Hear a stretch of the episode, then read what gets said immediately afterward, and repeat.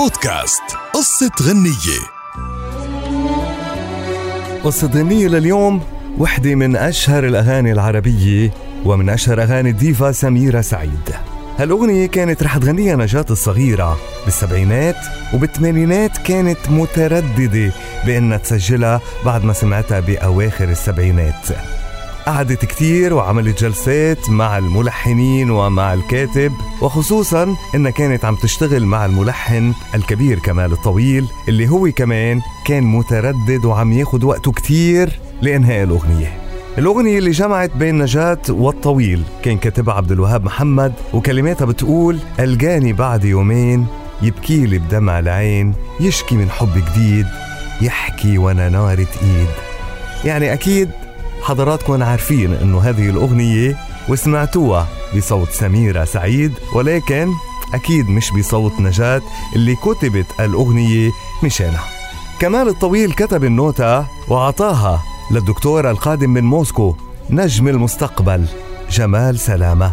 وبدأوا بروفات ونجاة كانت كالعادة يعني بتقدم خطوة وبترجع عشرة لورا لحد ما نجاة ركنت الأغنية وتركتها وما اقتنعت بأنها تقدمها لحد ما الموضوع انتسى وعليكم السلام.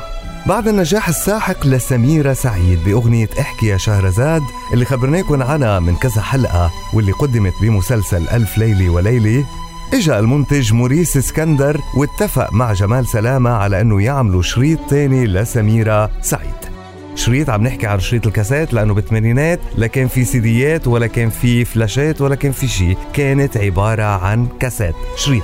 ومن ضمنه أغنية وحشني بحقيقي وحشني بصحيح وألقاني بعد يومين وعدة أغنيات اتفقوا عليه مع المنتج لإصداره بأسرع وقت ممكن.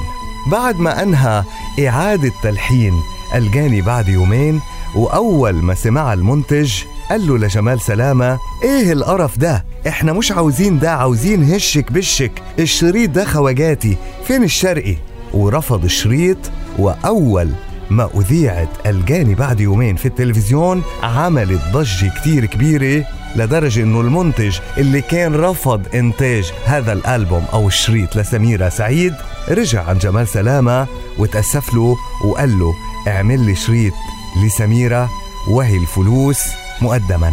أغنية ألقاني بعد يومين لسميرة سعيد اللي صدرت عام 1982 ما زالت من أهم محطات مسيرتها الفنية حتى اليوم وتعتبر من أكثر الأغاني اللي بيقدمها المشتركين ببرامج الهوات. وقت اللي بتسمع الأغنية مش ممكن ما تغني مع سميرة وتردد. ألقاني بعد يومين. ألقاني بعد يومين يبكي لي بدمع العين يشكي من حب جديد.